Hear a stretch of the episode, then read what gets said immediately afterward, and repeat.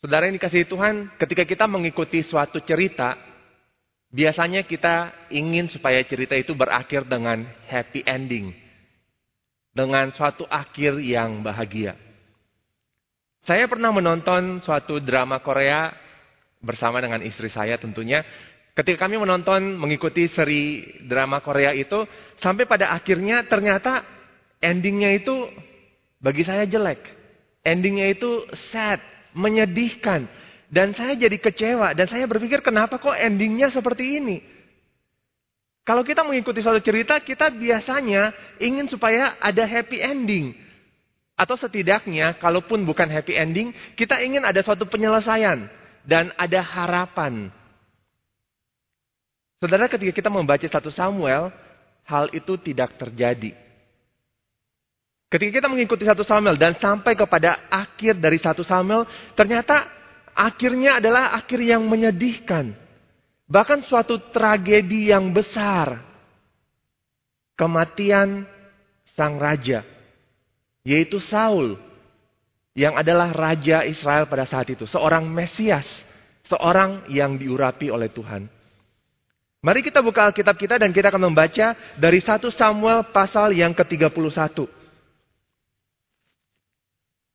1 Samuel pasal yang terakhir, pasal 31.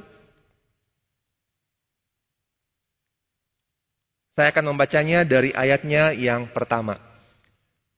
1 Samuel 31 dari ayat yang pertama.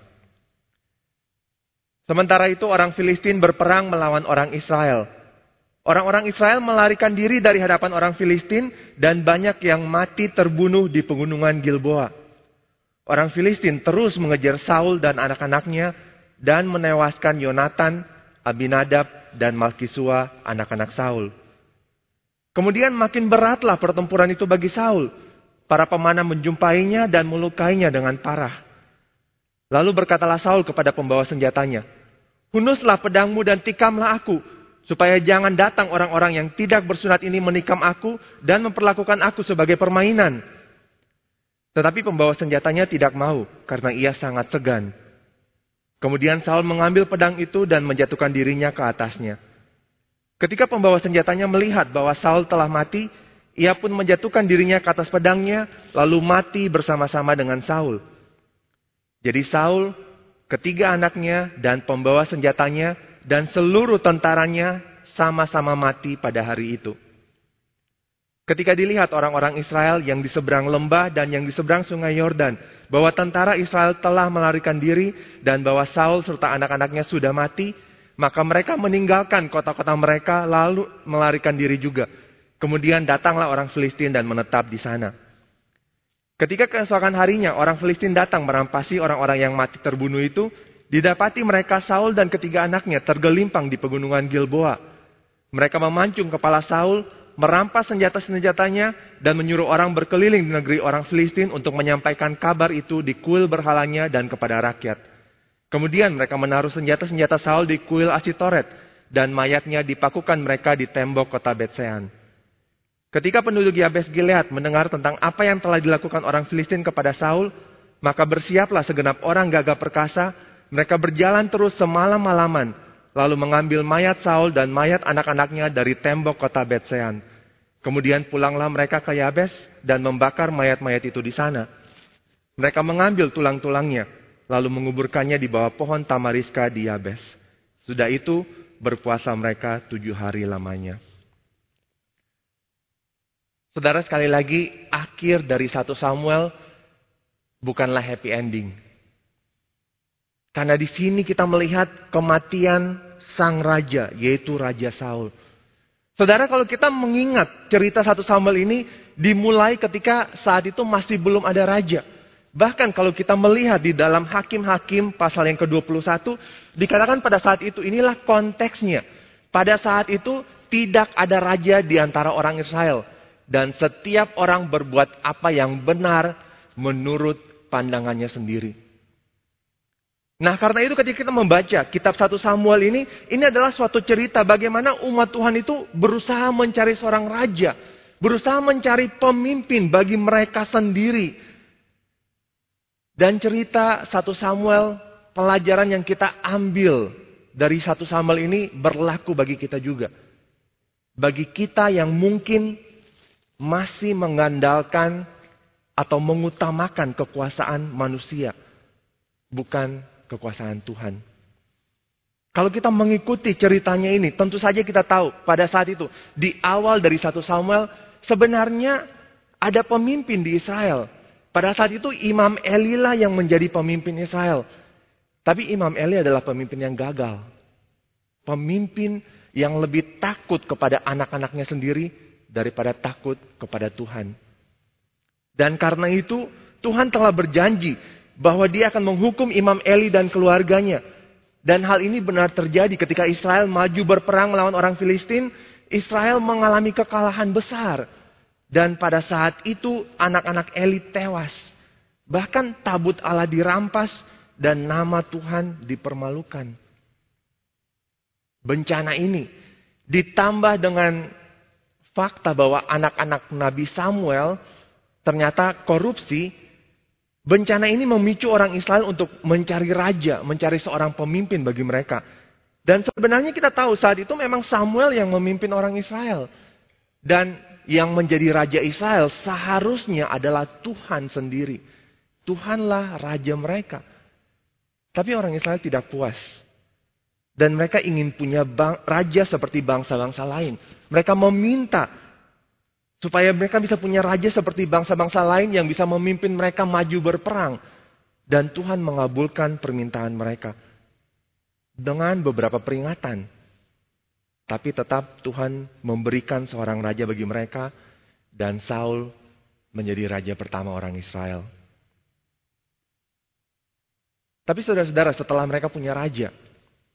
Apakah keadaan mereka menjadi lebih baik?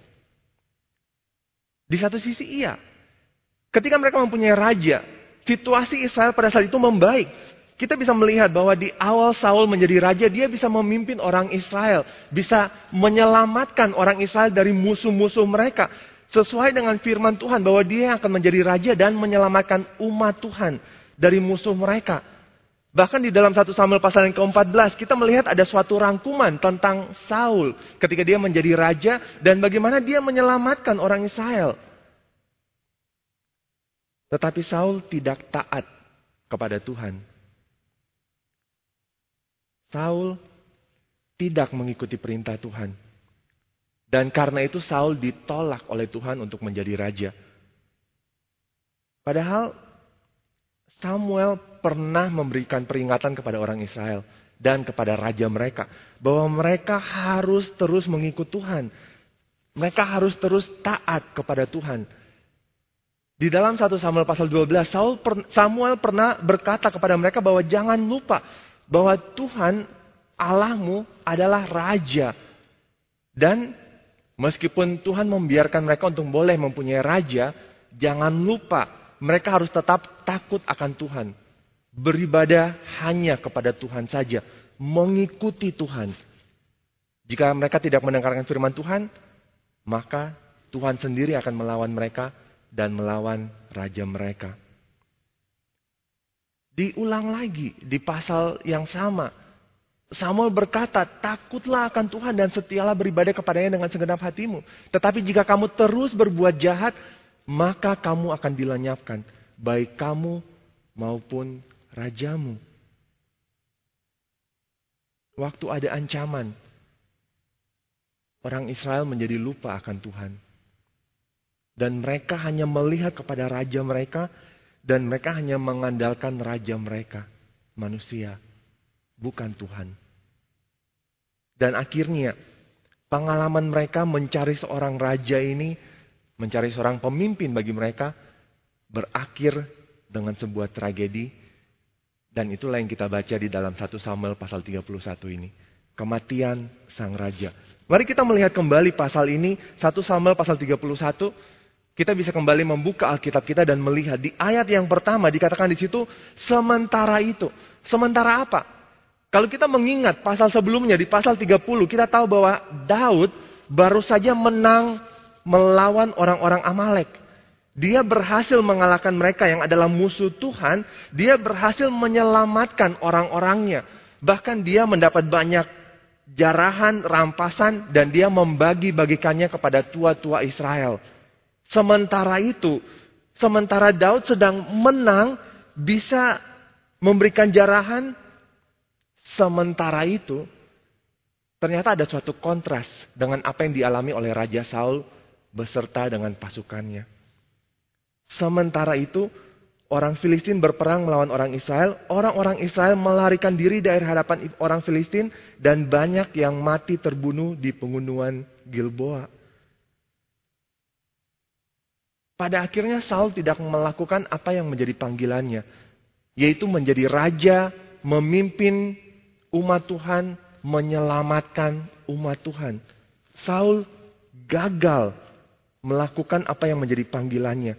Dan saat itu orang-orang Israel melarikan diri. Mereka tidak punya pilihan tetapi melarikan diri dari musuhnya. Dan bahkan dikatakan banyak yang mati terbunuh. Anak-anak Saul sendiri pun termasuk Yonatan mati terbunuh pada saat itu. Saul sendiri luka parah dan akhirnya memilih untuk bunuh diri. Dan kalau kita melihat di rangkumannya di ayat yang ke-6, Dikatakan di situ pada saat itu bahwa Saul, anak-anaknya, seluruh tentaranya mati sama-sama pada saat itu. Suatu tragedi yang besar bagi orang Israel. Bahkan mereka yang berdiam sekitar wilayah peperangan itu ketika mereka melihat hal itu mereka pun melarikan diri. Sehingga daerah orang Israel pada saat itu dimasuki, diduduki oleh orang Filistin dan mereka kehilangan wilayahnya. Saudara, kenapa pada saat itu Saul memilih untuk bunuh diri? Dikatakan di sini bahwa karena dia tidak mau dipermainkan oleh orang-orang yang tidak bersunat. Tetapi kalau kita membaca ceritanya ini, lihat lagi apa yang terjadi ketika orang Filistin datang merampasi orang-orang yang mati terbunuh itu. Ketika mereka sampai kepada Saul, mereka sadar, mereka tahu bahwa ini adalah Raja Israel. Dan kemudian mereka memancung kepalanya, merampas senjata-senjatanya untuk ditaruh di kuil mereka. Dan mayat Saul dipaku di atas tembok kota. Menjadi tontonan dan hinaan bagi semua orang yang lewat. Ternyata Saul tetap saja diperlakukan secara hina. Bahkan kematian pun tidak menghalangi bahwa Saul mati secara hina. Ketika Saul dipaku atau digantung itu, sebenarnya itu menunjukkan bahwa orang tersebut terkena kutukan Tuhan. Bagi orang Israel sendiri, mereka tahu bahwa ada suatu ayat yang mengatakan bahwa terkutuklah orang yang digantung. Seorang yang digantung itu terkutuk oleh Allah. Dan ketika Saul digantung mayatnya, sebenarnya menunjukkan bahwa dia adalah orang yang mati kena kutuk Tuhan. Tapi lebih daripada itu. Ketika semua hal ini terjadi, ternyata orang-orang Filistin menyuruh orang-orang itu untuk berkeliling negeri mereka untuk memberitakan tanda kutip kabar baik tentang keselamatan, tentang kemenangan mereka. Kabar baik bahwa mereka bisa menang. Dan berarti bukan hanya Saul yang terbunuh dan itu menjadi tragedi. Bukan hanya anak-anaknya, bukan hanya begitu banyak orang Israel yang mati terbunuh pada saat itu, tetapi nama Tuhan juga dipermalukan. Ketika mereka mengalami kekalahan ini, ketika Saul sendiri sebagai raja digantung secara terkutuk, nama Tuhan Allah Israel juga dipermalukan. Dan saudara sebenarnya hal ini mirip dengan apa yang terjadi di 1 Samuel 4. Kalau kita membaca kembali, ketika saat itu orang Israel juga mereka kalah, Eli dan anak-anaknya juga tewas, banyak orang Israel yang mati terbunuh, tabut Allah dirampas. Kita melihat bahwa sejarah terulang kembali. Bukan hanya orang Israel kalah dalam perang, tetapi pemimpin Israel dan anak-anaknya tewas dan ada penghinaan oleh musuh, nama Tuhan dipermalukan. Sekarang meskipun mereka sudah mempunyai raja, memiliki raja seperti yang diminta oleh mereka, tetapi tetap saja nama Tuhan dipermalukan. Dan kalau kita terus membaca cerita ini, ternyata di akhir dari pasal ini ada suatu hal yang surprising, suatu hal yang mengejutkan. Karena ternyata ada orang-orang dari Yabes Gilead yang dengan penuh resiko mereka pergi mengambil mayat Saul dan mereka membawa pulang, membakar dan menguburkan tulang-tulangnya. Ada apa ini? Ternyata kita tahu bahwa memang orang-orang penduduk Yabes Gilead ini mereka pernah diselamatkan oleh Saul. Kalau kita membaca di pasal yang ke-11, kita tahu bahwa Saul pada saat itu dengan kuasa roh kudus, roh Allah, menyelamatkan orang-orang Yabes Gilead. Saul pernah begitu berjasa bagi orang-orang Yabes Gilead. Sekarang mereka membawa pulang mayatnya, membakar, menguburkan tulang-tulangnya di bawah pohon tamariska. Suatu hal yang ironis. Karena kalau kita melihat dalam pasal 22 ayat yang ke-6, Saul itu biasanya suka duduk di bawah pohon tamariska dengan tombak di tangannya dikelilingi oleh pasukan-pasukannya. Begitu berkuasa. Tapi sekarang ini raja yang berkuasa itu telah tewas dan yang di bawah pohon itu hanya tulang-tulangnya. Saudara mari kita renungkan kembali akhir dari satu Samuel ini. Di akhir dari satu Samuel ini, mari kita renungkan bersama. Apa hasil dari umat Tuhan yang mencari raja bagi mereka sendiri? Ketika mereka meminta seorang raja, seorang pemimpin yang bisa memimpin mereka. Apa hasilnya? Mereka pernah berkata harus ada raja atas kami. Sama seperti bangsa-bangsa lain yang akan memimpin kami maju dalam perang. Tetapi sekarang lihatlah raja mereka. Mati bunuh diri. Mayatnya digantung di atas tembok musuh. Tulang-tulangnya dikubur di bawah pohon. Itulah raja yang mereka minta. Suatu hal yang sia-sia sebenarnya kalau kita mengandalkan hanya kekuasaan manusia. Dan apa yang mereka minta ini merupakan suatu kebodohan. Kebodohan karena mereka menaruh semua pengharapan mereka hanya kepada seorang manusia, bukan kepada Tuhan. Renungkan kembali di akhir dari cerita ini, apakah ada harapan? Sebenarnya saudara-saudara kalau kita membaca satu Samuel kita tahu bahwa ada harapan. Memang di saat ini raja mereka telah mati. Tapi kita harus ingat bahwa ada seorang raja baru yang telah diurapi. Memang ketika Saul ditolak untuk menjadi raja oleh Tuhan, ada Daud yang telah diurapi untuk menjadi raja. Sehingga sebenarnya ada suatu harapan bagi orang Israel pada saat itu bahwa ada raja lain. Tapi pada saat yang sama kita harus ingat bahwa Daud pun akan gagal dan mati. Dan raja-raja setelah Daud pun akan sama juga. Mereka pun akan gagal dan akan mati juga. Setiap manusia yang menjadi pemimpin kita akan gagal, akan mati. Karena itu kita tidak bisa hanya mengandalkan manusia. Tetapi meskipun pemimpin manusia kita gagal dan mati, kita tahu bahwa kehendak dan rencana Tuhan itu tetap terlaksana. Tidak ada yang bisa menggagalkan rencana Tuhan. Dan kita tahu ada satu raja yang tidak gagal.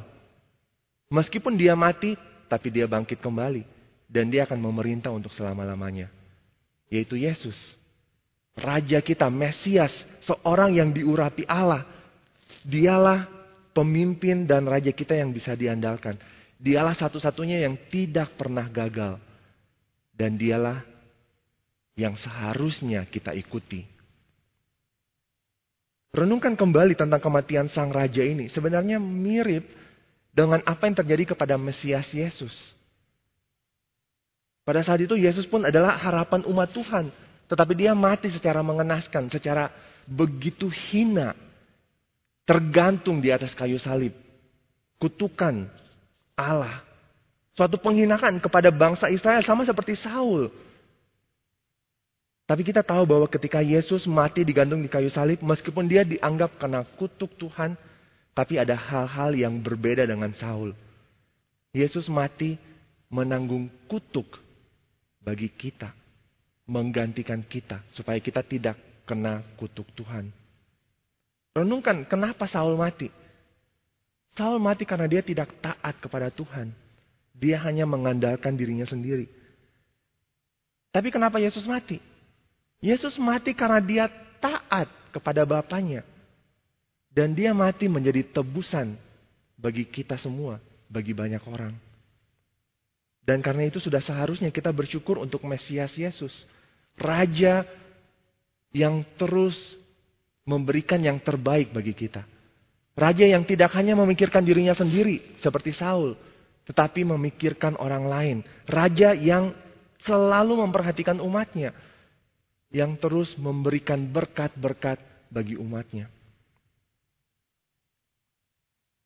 Saudara sekali lagi di dalam pasal 31 ini. Bahkan di seluruh kitab 1 Samuel ini kita bisa melihat apa yang terjadi ketika kita bergantung kepada manusia sebagai pemimpin kematian sang raja. Sebenarnya hal yang sama pun bisa terjadi kepada kita. Kalau kita menganggap diri kita adalah raja atas kehidupan kita sendiri, maka kita pun pasti akan gagal.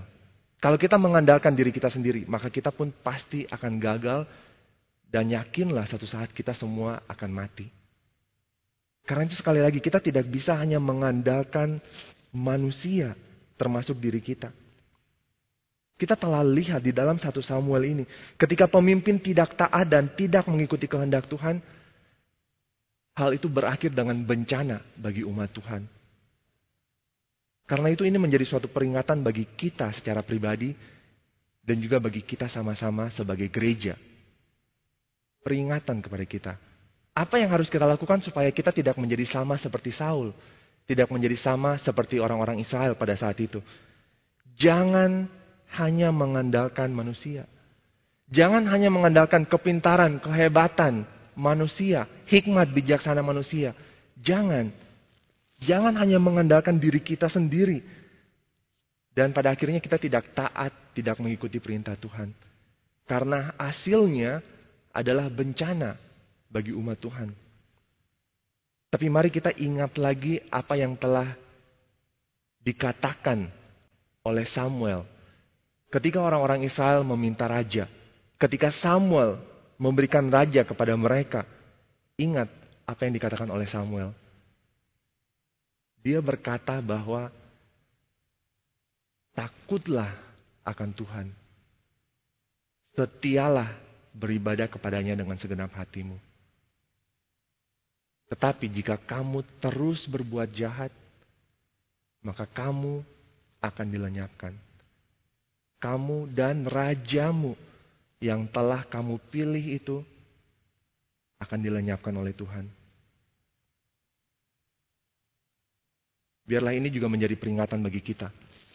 Ketika kita memilih seorang pemimpin, ketika kita memilih raja bagi diri kita sendiri, bila kita mengingat bahwa seharusnya raja kita adalah Tuhan, bukan seorang manusia.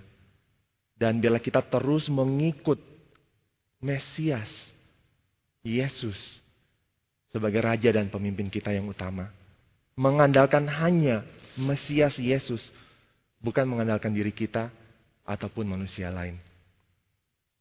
Bila Tuhan yang menolong kita semua. Mari kita berdoa. Bapak kami yang di surga, kami kembali bersyukur Tuhan untuk firman-Mu. Ada begitu banyak hal yang bisa kami pelajari dari kitab 1 Samuel. Kami bersyukur boleh mempelajari begitu banyak hal dari Saul, dari Samuel, dari Daud, dan dari orang-orang Israel. Dan kami berdoa Tuhan, supaya Engkau yang terus menolong kami. Apa yang telah kami pelajari ini, kami boleh terus mengingat, dan bahkan kami boleh melakukan kehendak Tuhan. Biarlah Engkau yang menolong kami, berikan hikmat, berikan kuasa roh kudus, untuk bisa menjadi pelaku-pelaku firman, bukan hanya pendengar, bukan hanya pembelajar.